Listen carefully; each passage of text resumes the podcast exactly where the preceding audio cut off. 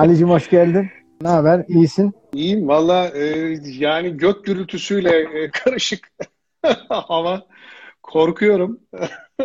ya hep biz hatırlarsan e, eğitimlerin sonunda şöyle söylerdik. Derdik ki dertleriniz kum taneleri kadar küçük, Nisan e, sevinçleriniz Nisan yağmuru kadar bol olsun. Yalnız bu kadar da bol olunca korkuyorum yani. bu, bu seller, sular alıp götürmesin. Ee, özellikle dışarıda olan araba kullananların e, çok dikkat etmesi lazım. O dalma batma zonları var ya köprü altları Murat. Oralar gerçekten Onların her ilde bir adı varmış. Battı çıktı deniyor, dalçık deniyor. her il kendi kültürüne göre. Evet adam adres tarif ediyor. Abi iki tane dalçık geçeceksin sağa döneceksin diyor. dalçık ne diyorsun? Ankara'da da battı çıktı diyorlar ona. Demek ki her yer kendine göre e, gerçi bu aralar batan çıkamıyor ama biz yine e, ümit var olalım. Battı çıktı diyelim. İnşallah hayatın her alanında batınca çıkmak nasip olur. Ne konuşacağız hacı? Bugün e, Atilla ile konuştum öyle. Seninle tanıştırmıştım sevgili arkadaşım. Marmaris'te yaşayan. Bir sohbet arasında dedi ki e, abi sen dedi e, iletişim ve şiddetsiz iletişim e, konularında da konuşuyordun değil mi dedi. Şimdi oradan bir çağrışım yaptı. E, dilersen bugün şiddeti konuşalım bir kavram olarak.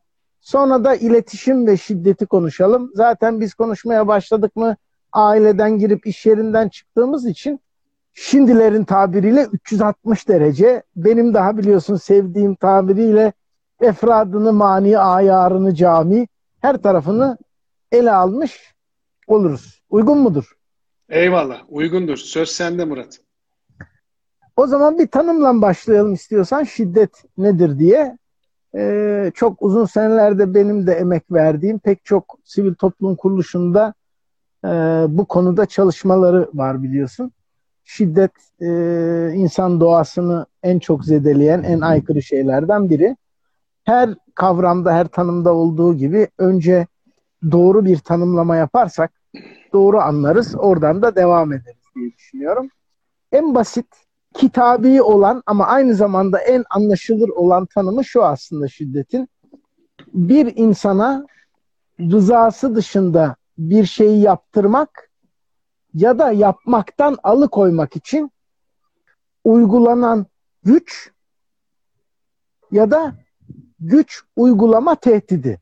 Şimdi tanım bilerek böyle biraz zengin tuttum. Çünkü birkaç husus var. Bir, en önemli husus e, Türkçe'de yaygın kullanılan bir isim rıza.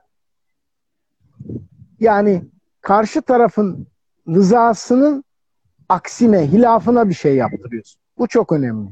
İstemediği bir şeyi yaptırıyorsun. İkinci basamakta ki bunları tek tek konuşuruz. Dikkat edersen tanımda şu var. Bir şeyi yapmaya zorlama ya da yapmaktan alıkoyma. Yani bir insan istemediği bir şey yapmaya zorlayabilirsin ya da istediği bir şeyi yapmaktan alıkoymak da bir şiddet türü. Tanımın sonunda yine önemli ve bir e, ikili geliyor karşımıza. O da güç kullanma ama orada kesilmiyor. Eski tanım öyleydi aslında. Bugünkü tanımda güç kullanma ya da güç kullanma tehdidi diyor. Şimdi babaların, annelerin çocuklarına söylediği şimdilerde çok kullanmıyoruz ama eskilerde çok söylenen bak onu yapma bacaklarını kırarım ha. Ne var canım? Vurmadım, kırmadım. Bu da bir şiddet. Bu da bir sözel şiddet. Güç kullanma tehdidi var. Bacaklarını kırarım. Ha. Bak evden çıkarsan sonrasına karışmam. Bir daha bu eve dönemezsin. Bunların hepsi yerine gelmemiş, gerçekleşmemiş olmakla beraber, belki de hiç gerçekleşmeyecek olmakla beraber karşıdaki insana e, bugünkü modern tanımıyla psikolojik şiddet uygulamak demek. Öbürü zaten e, daha da beterin de beteri fiziksel şiddet. Fakat neden önemli Ali? Fiziksel şiddeti genellikle onda bir oranında olsa da ölçebiliyoruz. Çünkü ya bir şikayete konu oluyor, kişi şikayet ediyor, diyor ki ben eşimden dayak yedim. Kamuya açık bir alanda olursa darp, işte yaralama ya da ölümle sonuçlanırsa bir dava konusu oluyor. Ama yine de kabaca verdiğim oranla onda bir gibi. Çünkü bazen kol kırılıyor yen içinde. Onlardan da haberimiz olmuyor. Ama en azından e, onda bir oranında haberimiz oluyor.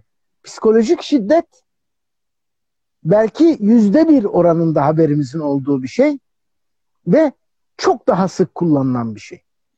Çok daha gündelik hayatın içinde olan ve sürekli o şiddetin şiddet e, güç kullanmanın tehdidiyle ilişkilerin yürütüldüğü bir şey.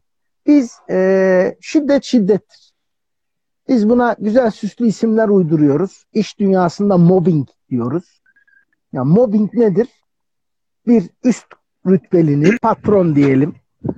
Daha altındaki bir rütbeliye ya da astına onun rızası dışında bir şeyi işle alakalı tabii ki değil ama olabilir. Angarya olabilir. İnsan sınırları, insani sınırlar dışında bir iş isteme olabilir. Yapmak ve bunun yapılmadığı durumlarda da onu maaşından, işinden etmeyle tehdit etmek demek. Yıldırma. Eşittir. Yıldırmak aslında, aslında. bir özü şiddet, yıldırmak. Şiddet kullanıyorsun. Niye yıldırıyorsun? Onu yıldırmak yani evet. Niye yıldırıyorsun? Nasıl yıldırıyorsun? Sürekli o pozisyonunun avantajını kullanıyorsun. Pozisyon avantajı nedir? En basit tanımıyla güçtür. İş yerindeki güç dengesidir. Yani güç kullanıyorsun. O gücün illa bir sopa, bir demir, bir yumruk olması gerekmiyor. Makam, mevki, pozisyon da bir güç. Dolayısıyla işte aile içi şiddet, domestic violence. Sokakta şiddet. Yani aslında şiddetin önüne arkasına getirdiğimiz süslü bir sürü kelime var. Hepsini arındırdığın zaman şiddet eşittir şiddet. Rızası dışı yapmaya zorlama, alıkoyma yapmaktan ve bütün bunlar için bir güç kullanma ya da güç kullanmanın tehdidinde bulunma. Bu güç de ya fiziksel ya psikolojik illa tekme tokat olması gerekmiyor. Paranın gücü, makamın gücü, mevkinin gücü ya da kelimelerin gücü. Senin ayağını kırarım, bacaklarını ayırırım dediğinde ben bu yaşa kadar hiç ayrılmış iki bacaklı bir insana rastlamadım. Ya bu tamamen bir tehdit ama karşı tarafta özellikle belli yaşın altındakilerde uyandırdığı dehşet duygusunu düşünebiliyor musun? Çünkü belli, hele ki 7 yaşın altında çocuk tamamen birinci anlamla düşünür. Kelimenin birinci anlamıyla. Hiç unutmuyorum e, oğlan e, şu arabalar vardır ya pedallarına basınca gider onu kullanıyor. Arada sırada da koridorda çarpıyor. Babam bir gün dedi ki oğlum kır direksiyonu çarpacaksın dedi. Ege kafasını kaldırdı. Niye kırayım dedi kullanıyorum dedi. Şimdi ondan için kır demek o onu oradan kır parçala demek. Çevir anlamı, ikinci anlamı, üçüncü anlamı çocuklarda çok fazla yoktur yeni öğrendikleri için. Senin bacaklarını ayırırım deyince ha aslında işte bilmem ne sanatını kullanıyor. Tecahülü arif mi, mecaz mı? Bunu düşünmez çocuk. Dolayısıyla bu bir psikolojik şiddettir. Çok da sıkıntılıdır. Çünkü ileri yaşlarda o bilincin altına omurilik soğanının arkasında saklanan bu biriken bu olgular ileride bir insanı bir anda patlayan ya da panik atak yaşayan pek çok pek çok farklı ruh haline sokabilir. Evet, sende. Muratçım, e, şiddetin her türlüsüne karşıyız. Çünkü e, bizim her zaman söylediğimiz bir şey vardır. Biz fabrikasyon ayarlarımızdaki özelliklerimiz yaratılan alemle uyumlu bir biçimde çalışır. Kainat insan ve yaradan içerisindeki birliğin uyumu şöyledir. Temel mesele eğer sorumluluktan alacak olursak şiddeti doğuran şeyin sorumsuzluk ve sorumsuzca yetiştirmeden kaynaklı olduğunu düşünürsek şöyle bir şey söyleyebiliriz. Eşyaya karşı değerini, yaradana karşı haddini, insana ve tabiata karşı ödevlerini ve sorumluluğunu bilmeden bir hayat seni her zaman en kötüye, o en kötünün yetmediği zaman sözün bittiği yerde ise şiddete seni her zaman e, götürür. Çünkü şiddetin arka planında bir hiddet vardır. Hiddet şiddeti doğurur. Ve sonunda bir musibet oluşur. Hiddet dediğin şey aslında bu kendi farkındalığını, yaşadığın kainatın içerisindeki rolünü, sorumluluklarını bilemediğin, öğrenemediğin zaman bu seni her noktada hiddetli kılar. Mesela bugün modernitede de modernitede kullandığımız bir cümle vardır. Çok kullanırız bunu ve psikoterapistler de buradan ciddi ekmek yiyorlar biliyorsun. Psikiyatrlar ve psiko psikoterapistler. Öfke kontrolü sorunu. Hı hı. Efendim ne vardır bende? Ne varmış? Abime ne vereyim? Abimde öfke kontrolü sorunu varmış. Öfkesini kontrol edemiyormuş. Yani hiddetleniyormuş bu abimiz. Abi diye nitelendiriyorum çünkü hem cinslerimiz bu öfke kontrolü sorununu çok yoğun bir şekilde yaşıyor. Çünkü kendisinin bu sorunu yaşaması için her türlü bahanesi de hazır. Bir önceki programımızda şunu söylemiştik. İnsan doğası gereği dedik ki hırs, saldırı, savunma mekanizmalarına sahiptir. E biraz önce dedin ya doğamızda aslında hiddet yoktur. Hırs insanın egosuyla ilgili bir şeydir. Şiddeti gerektirmez. Her zaman hırs şiddeti gerektirmez. Hırslı insan dediğimiz zaman şiddet uygular bir insan her zaman anlamayız. Saldırı dediğin şey ise eğer tehlike anındaysa, canınla ilgili bir derdin varsa, kaçmak ya da savunmak ya da saldırmakla ilgili bir moddasın ve saniyenin yüzde biri kadar bir süre içinde karar vermen lazım. En temel menfaatin yaşamını korumakla ilgili ki o da senin doğanda var. Ya saldıracaksın ya kaçacaksın. Peki biz keyiften insana şiddet yapan, keyif olsun diye insan öldüren tek varlıksak, Doğru. karnı açken, hayvan tehlikeliyken, karnı tokken tehlikeli olan tek insandır Murat. Eyvallah. Bizim bu şiddeti, bunun arka planındaki Ka- karnı hiddeti... Karnı tok da gözü aç. Karnı tok ama gözü aç yani. Bak düşün biz karnı tokken daha tehlikeli oluyoruz. Hayvan ise karnı açken daha tehlikeli olabiliyor. Aradaki fark bu. Bu farkı ortaya koyan şey ne biliyor musun? İnsanın özbenlik bilinci bu bilincin üzerindeki ego baskısı ki biraz önce söylediğin gücü ben gene bir mühendisçe ele alacağım. Seviyorsun diye alıyorum bunu. Güç dediğin şey birim alana uygulanan kuvvettir. Kilogram force'tur. Yani kilogram force olarak bir vektörel bir kuvveti birim alana uyguladığında bir güç oluşturursun. Burada bir güç oluşur. Hı hı. Tamam mı? Bu güç bu, bu gücün dayanabilme mesela bu dayanabilmesi için bunun bir mukavemetinin olması lazım. Mukavim bir cisim olması lazım. Dünkü programda ne anlatmıştık? İnsan da böyledir dedik. Elastik bir sınırı vardır. Alır, tolere eder. Sonra Esner. eğer bu da yenilirse güç onu yendiği zaman plastik sınıra döner. Ne yang diyorduk? Yang modülü diyorduk. Biz buna diyorduk tolerans diyorduk. Herkesin kendine göre bir toleransı var. Toleransları zorlamamamız lazım. Şimdi bak çok ilginç bir şey söyleyeceğim sana. Hatırlarsan insanın kendi doğasındaki alanları dörde ayırmıştık. Felsefi açıdan. Fiziksel alanı var dedik. Duygusal alanı var dedik. Bununla ilgili zihinsel alanı var dedik. Bir de ruhsal alanı var dedik. Şimdi biz fiziksel alanımıza bir kuvvet, bizim senin tabirinle istemediğimiz, bizi sıkıştıracak. Rızamız dışında. Rızamızın dışında bir kuvvetle karşı karşıya geldik. Benim birim alanım, fiziksel alanım, fiziksel yeterliğim, vücudum, dayanıklılığım, sıhhatim vesaire gibi bir takım parametrelerle ilgili. Yani bu bu kuvvet, bu baskı, Doğru. bu çalışma şartlarının ağırlığında çalışamayabilirsin.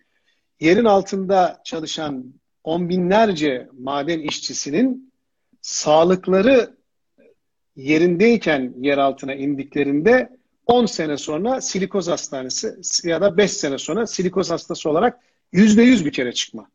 Ne demek silikoz? Silikoz şu Murat. Çakmağı yakıyorsun. Bir karış öteden yapıyorsun. Bak huh değil yapıyorsun.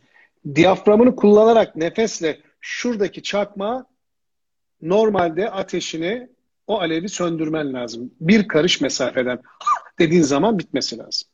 Bitmesi lazım dediğim bunun sönmesi lazım. Buna yetmiyor 5 sene sonra sağlıkla indiğin yerde sağlığını orada gömüyorsun, çıkıyorsun. Demek ki baskı dediğin şey iş hayatı da, çalışma koşulları, özel sektördeki para kazanma ve rant elde edebilmek için iş güvenliği ve yasasının ortadan kaldırılarak o insanı araç sallaştırdığın ve sömürerek ortaya koymuş olduğun bir baskıyla birim alana yapmış olduğun kuvvet bugün Türkiye'de maalesef son derece değer yani araştırmaya değer bir konudur. Çünkü üzerimizde bir iş baskısı var. Üzerimizde iş sağlığı ve güvenliği açısından olumsuz giden bir baskı var ve bunu bedenimizle, sağlığımızla yapıyoruz. Zihinsel alanımıza gelen baskıya ne demeli? Zihinsel alanımıza gelen baskı bildiğimiz kalıp. Şu dışarıda inşaat işçilerinin çaktığı kalıplar var ya bak bu kalıplarla ilgili senin zihnine kalıp atıyorlar sürekli. Diyorlar ki bu çerçevede düşüneceksin. Bu çerçevede tüme varım ve tümden gelim yapacaksın. Muhakeme yapacaksın. Başka bir şey yapmanı istemiyoruz diyorlar. Mümkünse de Sürekli, düşünmeyeceksin. Evet aynen bu kalıpta düşüneceksin ve kalıp kalıp kalıp kalıp kalıp kalıp ne yapıyorlar? Bir baskı üretiyorlar. Birim alan dediğin zihinde alan yok. Çünkü zihin çok geniş bir şey. Fakat kalıplar o kadar ağır, o kadar baskıcı, o kadar çok seni senden alan özelliğe sahip ki zihinde alan diye bir şey olmasına rağmen çok alanı tarif edemiyorsun. Zihinde çünkü belli bir alan yok. Mesela duygularda var, zihinde yok.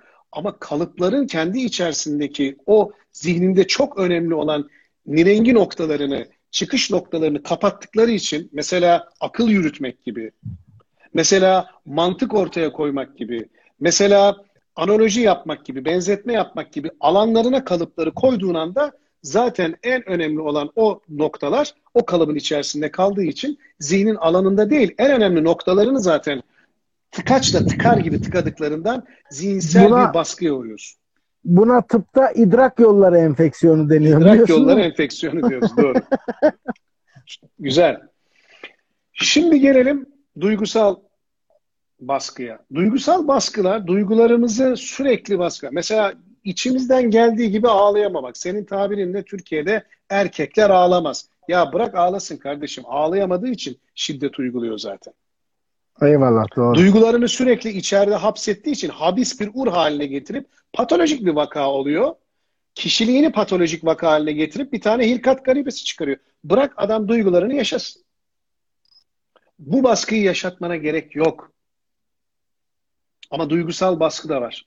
Zihinsel baskı da var. Fiziksel baskı da var. Ruhsal baskı da var.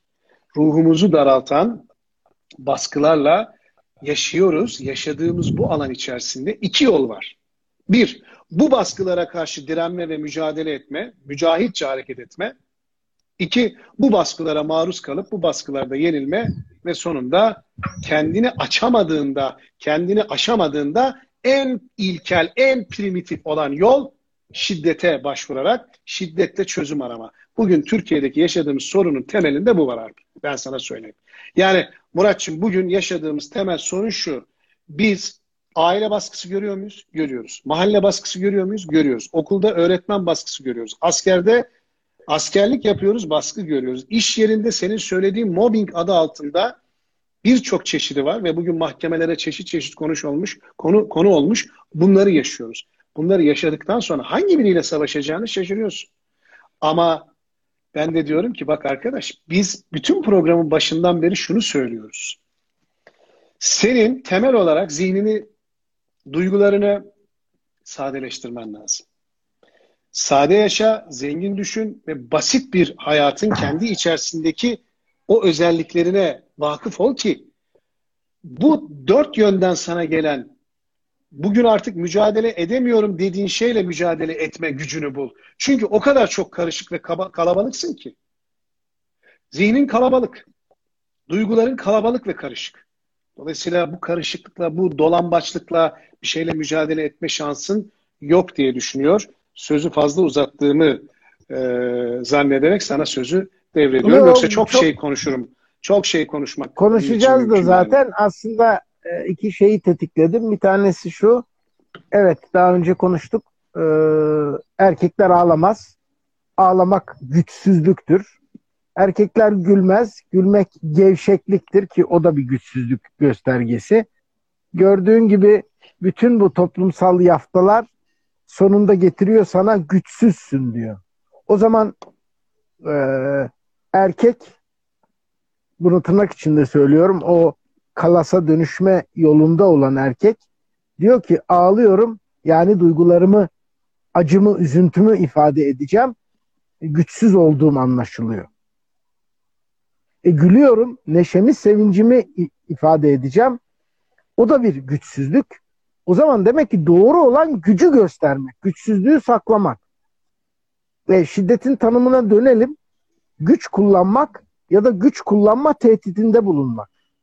Biz itiyoruz insanları buna. Güç, güç, güçlü ol. Güçlü ol ne olabilir? Bir, bodybuilding yaparsın, vücut geliştirirsin, güçlü olursun fiziksel. İki, güçlü ol. Duygusal olarak güçlü ol. Kelime güzel de yani nasıl güçlü olunuyor? Bizdeki karşılığı şu saklayarak. Duygularını saklayarak. Ağlama, gülme, gösterme. İşte bir de adetler var eskiden gelen. Bir kısmını geçtik, bir kısmı hala duruyor. Büyüklerinin yanında çocuğunu sevme. Gelinlik yapma diye bir adet vardı Anadolu'da. Evlendiğin eşinin babası ve büyük kardeşlerinin yanında onlar izin verene kadar konuşulmaz. Benim e, doktoramı yaparken çalıştığım bir vakada e, gelinlik yapma deniyor buna adet olarak. 16 sene sürmüş bu izni alması kadının. Ya yani 16 sene konuşma demişler. Daha doğrusu konuş dememişler. Şimdi yaşıyorsun, biriyle evlenmişsin. Severek diyeceğim, biraz optimist olacak. Görücü usulü bir nedenle. Onun abileri var, eskiden, babası var. E, Murat, eskiden özür dilerim bölüyorum. Eskiden sevişerek evlenme diye bir şey vardı. Şimdi bu severek evlenmeye döndü. Yani niye bunu biz böyle tesettürlü hale getirip onu anlayamadım yani. Sevişerek evlendi falan derdik yani. Bak dikkat ediyorum sen de söyledin. Nasıl evlenmişler? Severek evlenmişler. Ya benim zamanımda, çocukluğum zamanında ciddi söylüyorum herkesin içinde nasıl evlen sevişerek evlenmişler diye bir e, tanım vardı. Yani neden biz bunu böyle bir e, şeye soktuk onu anlayamadım. Ya bayağı sevişerek sevişerek evlenmek acaba şey anlamında mı? Yani fiziksel sevişme anlamında olarak mı algılandığı Tabii oraya, bugün oraya bu yasaklandı? Yoruyorlar. Halbuki Sonuçta, o dönemde söylendiğinde sevişerek duygusal olarak anlaşarak, severek işleştik evet. açısından söyleniyor. İşte bu bir örnek. Dikkat ettim Ali, o yüzden. Evet bu güzel bir örnek. Çünkü sevmek, sevilmek, sevişmek Bunların hepsi sevgiye ilişkin. Ağlamak, acıyı paylaşmak, gülmek. Bunların hepsi yasak, kötü, günah gibi gösteriliyor. E geriye ne kalıyor? Güçlü ol. Yani kodununu oturt bir. Başka?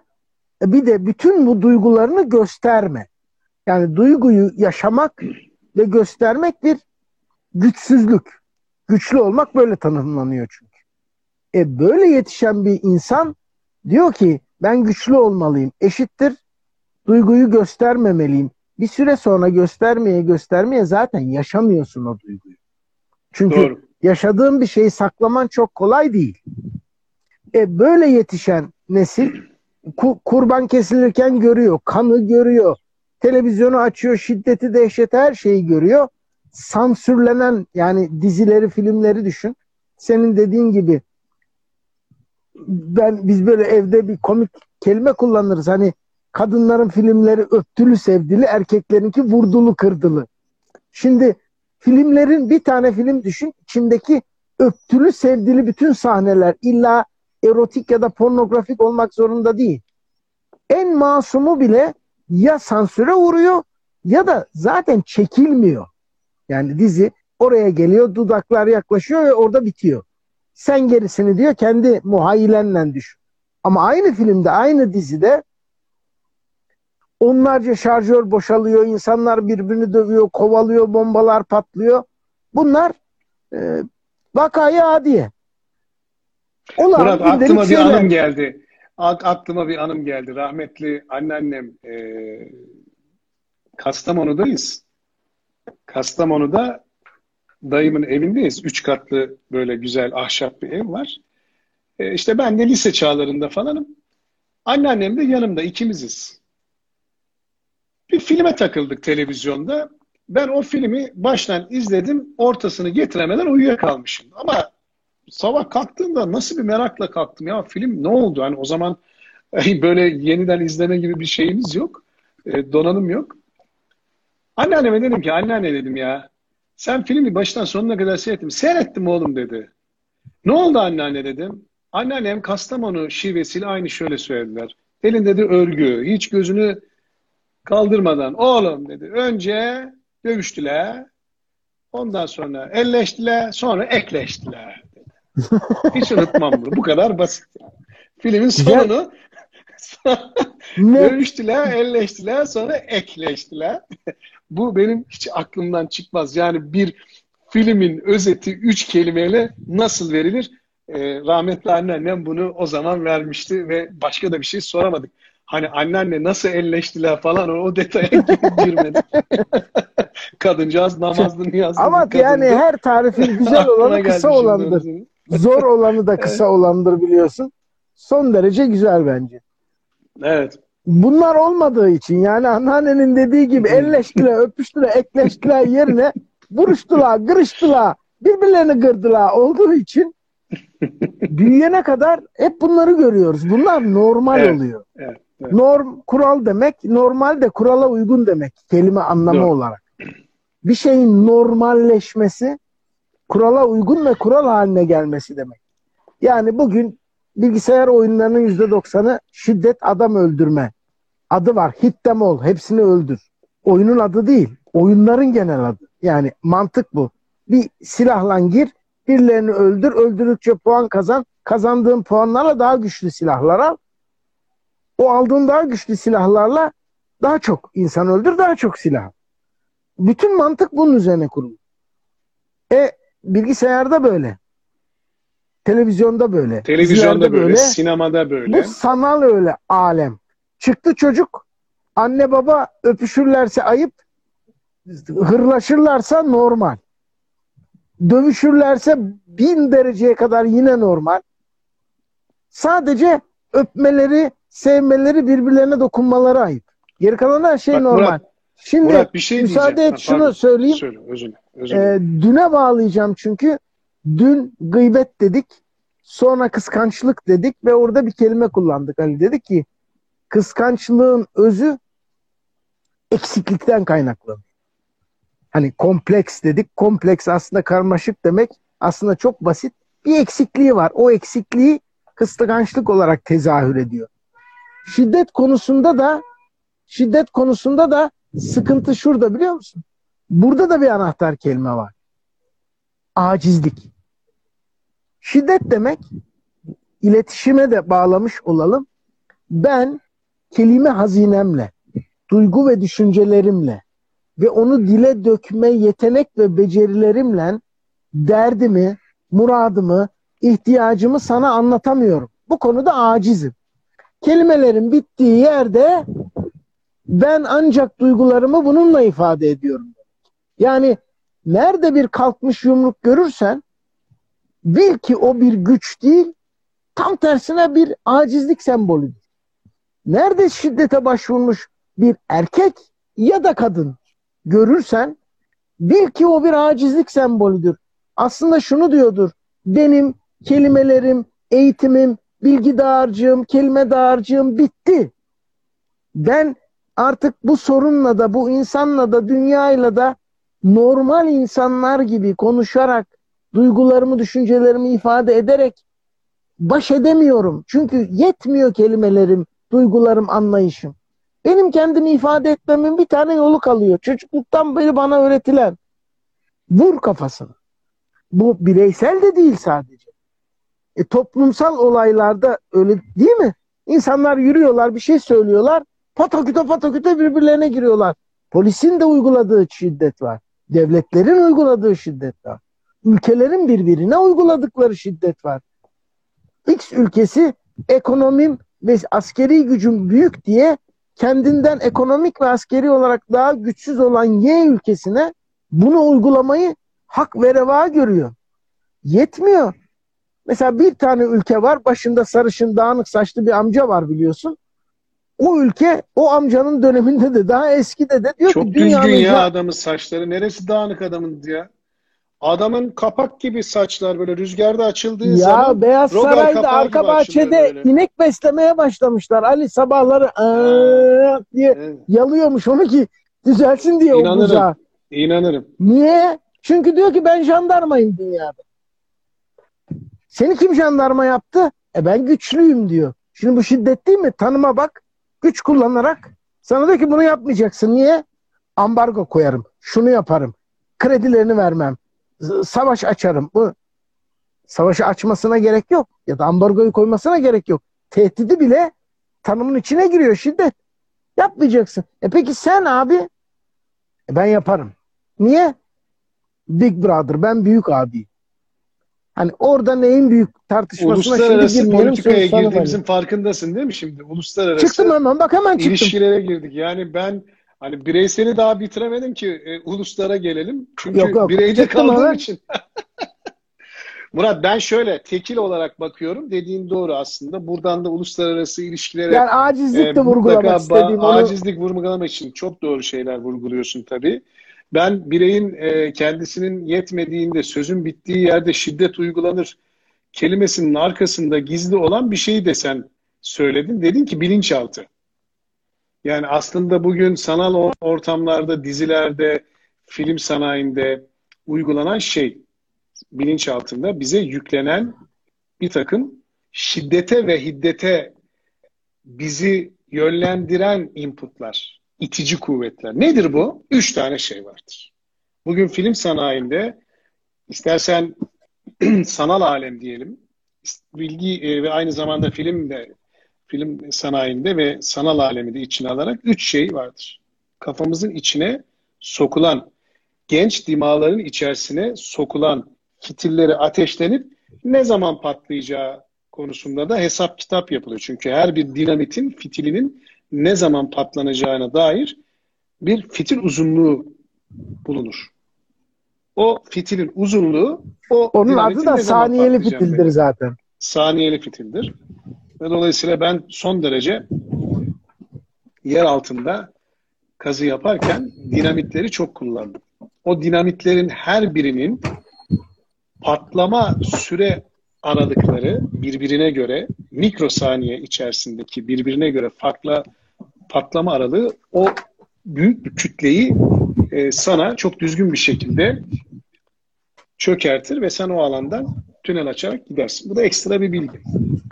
Üç tane fitil ateşlenip bırakılıyor dinamit olarak. Bir, cinsellik. iki şiddet. Üç, argo, küfür. Buradan ekmek yiyorsun. Şimdi ben sana bir şey söyleyeceğim Murat. İstersen en çok film izleyen bir kişi olarak bana söyle. Cinselliğin, şiddetin ve de argo ve küfürün olmadığı bir filmin izlenme oranı nedir? Diyeceksin ki izlenme oranı vardır mutlaka, küçüktür. %10'dur, 15'tir. O filmde de mutlaka bir şey ararız. O %10-15 masum olarak filmde de doğal olarak bir şey ararız. Bu filmin sonu ne olacak? İyi ile kötü savaşında kim kazanacak? Mutlaka bir gerginlik olmalı. O gerginlik bir mücadeleyi gerektirmeli. İyi ve kötü, doğru ve yanlışın bir mücadelesini içine almalı ve sonuç ne olmalı? Ya da şöyle western filmlerinden örnek vereyim. Amerikan western filmlerindeki 120 dakikalık sürede filmin 10 dakikasında banka soyulur. Filmin 10 dakikası banka soygununa aittir. Geri kalan 110 dakikası, 100 dakikası ise bankada soyulan paranın paylaşımı, ortaya konulan entrika, entrikalar, iyi olan insanın bir anda kötü olması ve bu anda insanların dost olan insanların bir anda düşman kesilmesi, o paranın insanları nasıl değiştirdiği, yalan, dolan bütün hikaye bunun üzerinedir. Asıl bütün hikaye bunun üzerinedir ama biz 10 dakikalık bir süre içinde o filmin en canlı ve en heyecanlı bölümünü aslında izlediğimizi varsayarız. Hayat da böyledir. Şimdi ben diyorum ki bir film izle, içinde argo olmasın, içinde şiddet olmasın, cinsellik olmasın.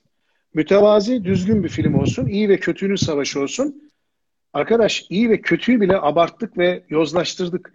İyi olabilmesi için insanın argo konuşmaması, cinselliğinin olmaması, şiddet göstermemesi olarak ne kadar bir yapay bir sembolizm ortaya konuluyorsa kötü içinde bir bu kadar dozu artırılmış, insanlıktan çıkmış, şeytanın bile vay be abi ya ben ne yapıyorum ki bu insanlara bunlar yaparken bana sadece seyretmek kalır dediği filmler izletiyorsunuz. Bakın reklam olacak diye korkuyorum, söyleyemiyorum.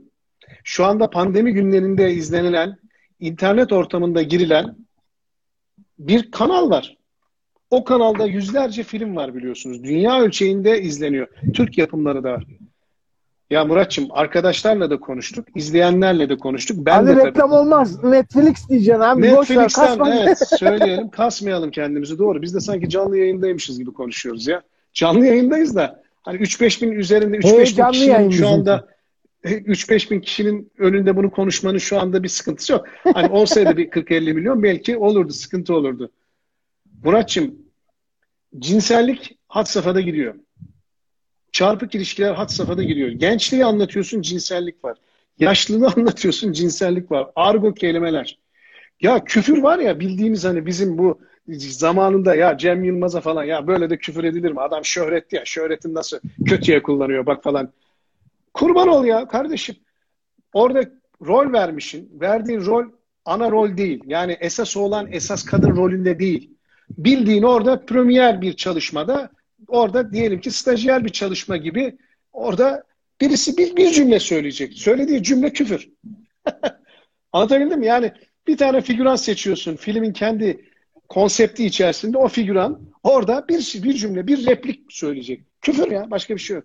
Ali söylediklerin içinde bak ya şunlar da var. Şimdi çok özür dilerim. Bitiriyorum. Bitiriyorum. Çok özür dilerim. Gene bugün biraz yükseldim çünkü şiddet de beni biraz yükseltiyor. Yüksel yani konuyu sen çok ters seçmişsin yoktur çünkü. Diyor. Bak şiddetle tavsiye ederim. Bana böyle kavramlarla gelme lütfen. Bir Gelince de böyle cümle var değil mi? Seyirci şiddetle de, şey, tavsiye ederim. Evet şiddetle yani tavsiye etmeyi de ayrıca Neyse ben biraz inişe geçtim. Sen e, Hayır, devam et. Bak güzel, güzel bir yer. Mesela bu filmi seyretmeni şiddetle tavsiye ederim. Ne demek? Yani seyretmezsen kafanı kırarım mı demek? Niye abi güzellikle tavsiye etmiyorsun? Niye iyilikle tavsiye, şiddetle tavsiye eder? Ha? Oradaki şiddet tabii şey e, Richter ölçeğine göre gibi yani daha vurgulu bir şey. Sarsıcı sarsıcı. cümle cümle şurada Ali bak. Diyorsun ki cinsellik. Şimdi bunun boyutları var. Ben şahsen iddia ediyorum. Belirli bir erotizmi Haydar görerek... işine girme karşı. Yok yok. Önemli bir şey söyleyeceğim. Belirli bir erotizmi falan, evet. görmeden büyüyen kadın ya da erkekten ileride bir şey olma şansı yok. Neden yok? Çünkü o kadın ya da erkek bir kadın ya da erkekle bir araya gelecek, sevecek, sevişecek, evlenecek, çocuklar yapacak, aile kuracak. Erotizm ne demek? O insan vücudunun çıplaklığının sanatla buluşması demek biraz. Bir de bunun başka bir versiyonu var, pornografi var daha çıplak, daha vahşi, daha e, şiddetli. O daha da şiddetli. Kaba saba. Şimdi anlatmaya çalıştığım şu. Şimdi cinsellik dediğimiz zaman evet sömürülen bir cinsellik var. Kadın bir obje, erkek bir obje. Bütün moda dünyası, bütün makyaj dünyası, bütün cerrahi ve medikal dünya bunun üzerine kremler, elbiseler, makyaj malzemeleri, her şey seni daha güzel göstermek için. Peki güzelin tanımı ne?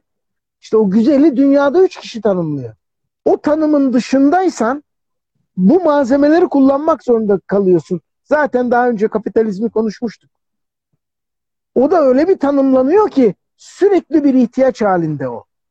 Yani işte inan bir müzik kanalı seyrediyorsun televizyonda MTV seyret mesela yabancı.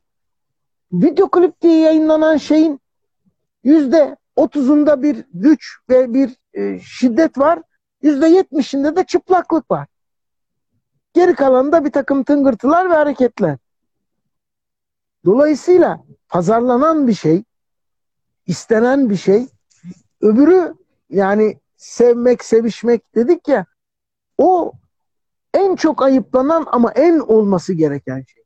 Cinsellikte dozu doğru ayarlandığında estetik, sanatsal, insanın duygularını kıpırdatan, harekete geçiren bir şey olduğunda ve belli yaşın üzerindekilere belli dozlarda olduğunda ben şahsen çok da faydalı olduğunu düşünüyorum. Dediğin gibi Haydar Dümen değilim saçlarda anlaşılacağı üzere ama belli bir faydası var ama aynen de senin tespitinde olduğun gibi aşk da ya benimsin ya kara toprağın diyor.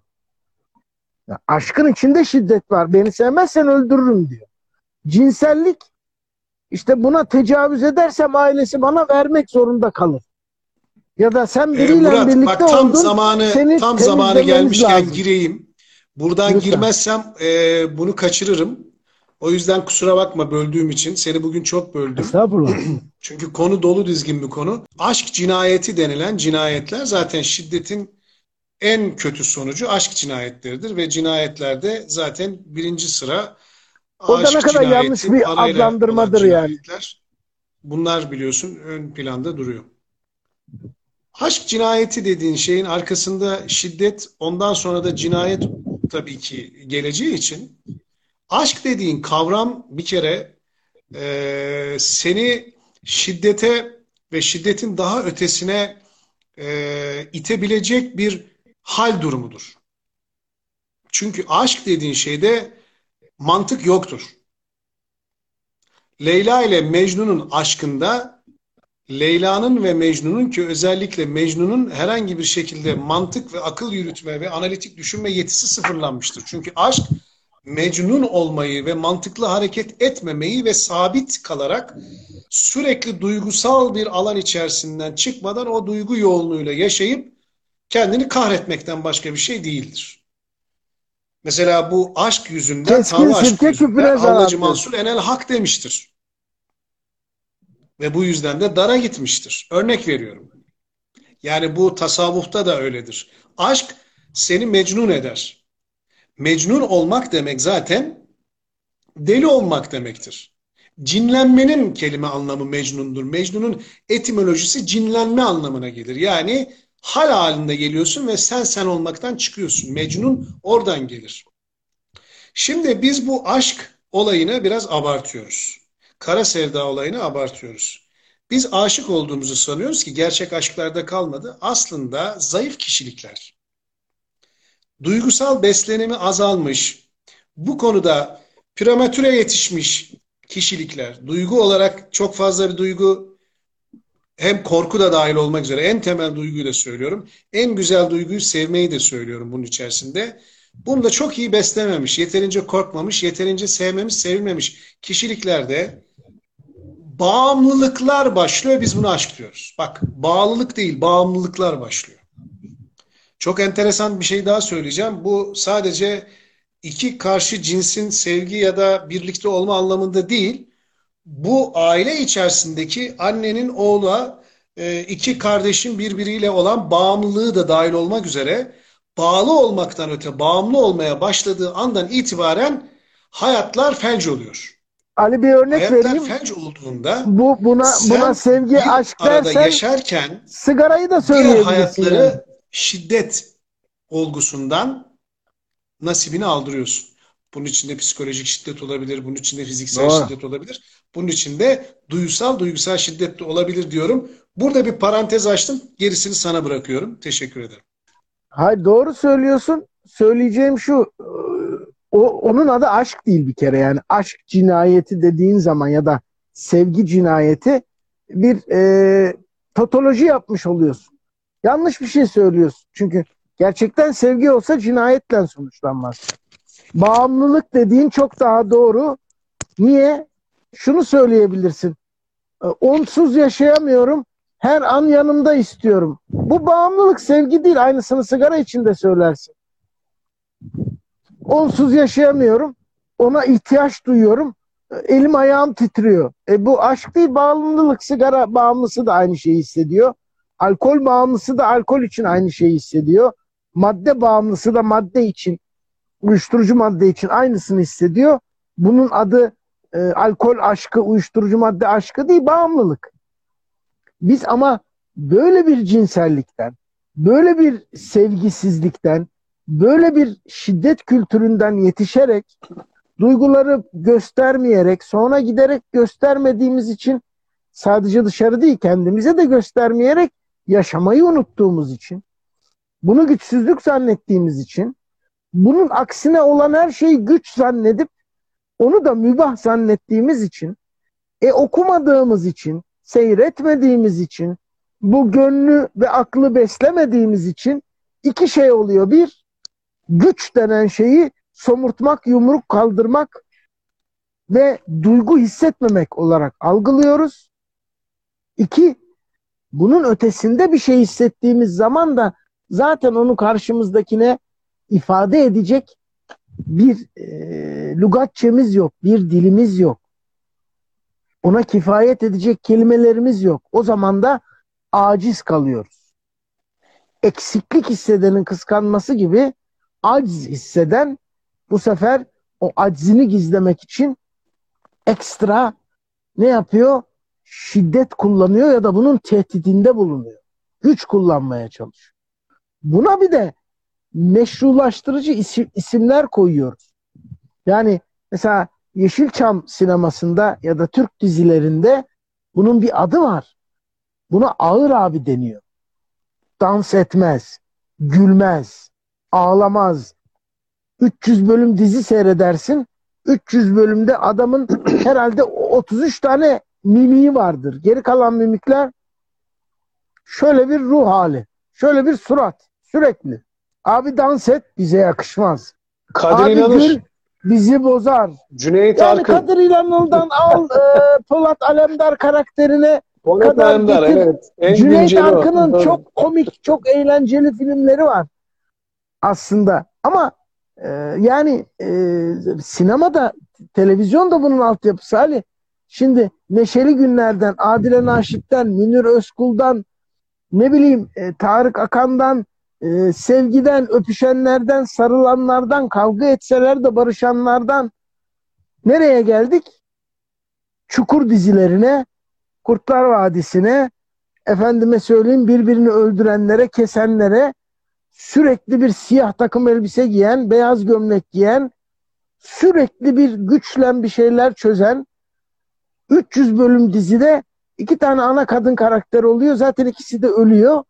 Onlar belki iki kere yanak yanağa geliyorlar. Öpüşmüyorlar. Ben demiyorum ki dizide sevişsinler, soyunsunlar. Hayır. Ama bir sevgi gösterisi, bir yakınlık, bir sıcaklık, bir duygusallık yok. Habire biz sizi vururuz, siz bizi kırarsınız. Derdim, sıkıntım iki tane, üç tane diziyle değil. Genellemeden bahsediyorum. Hayatta böyle, evde böyle, dediğim gibi okulda böyle, e sanal alemde böyle. E bu insanlar ne yapıyor? Bir şiddet dışı dil geliştirme, kendini ifade edebilme, derdini, sıkıntısını, sevgisini, aşkını karşı tarafa anlatabilme becerisinden yoksun oluyorlar. O beceriyi kazanmak istese bile karşısına bir toplumsal engel çıkıyor. Yapma. Bunları yaparsan güçsüzsün. Çünkü duygu güçsüzlük ifadesi. Öyle değil mi? Acı da bir duygu, tatlı da bir duygu. Sevinmek de bir duygu, üzülmek de bir duygu. Bunları gösterme diyor. Bu güçsüzlük. E o zaman güçlü olmak, duygusuz olmak. Duygusuz olmak, odun olmak. E odun olunca eline de odunu almak. Ama öfke duygusunu göstermesine aile erkek diyor. Bak diyor gösterebilir diyor. Dolayısıyla o duygunun kendisinin evet, o zaman göstermesi ağır serbestlik oluyor, delikanlı oluyor.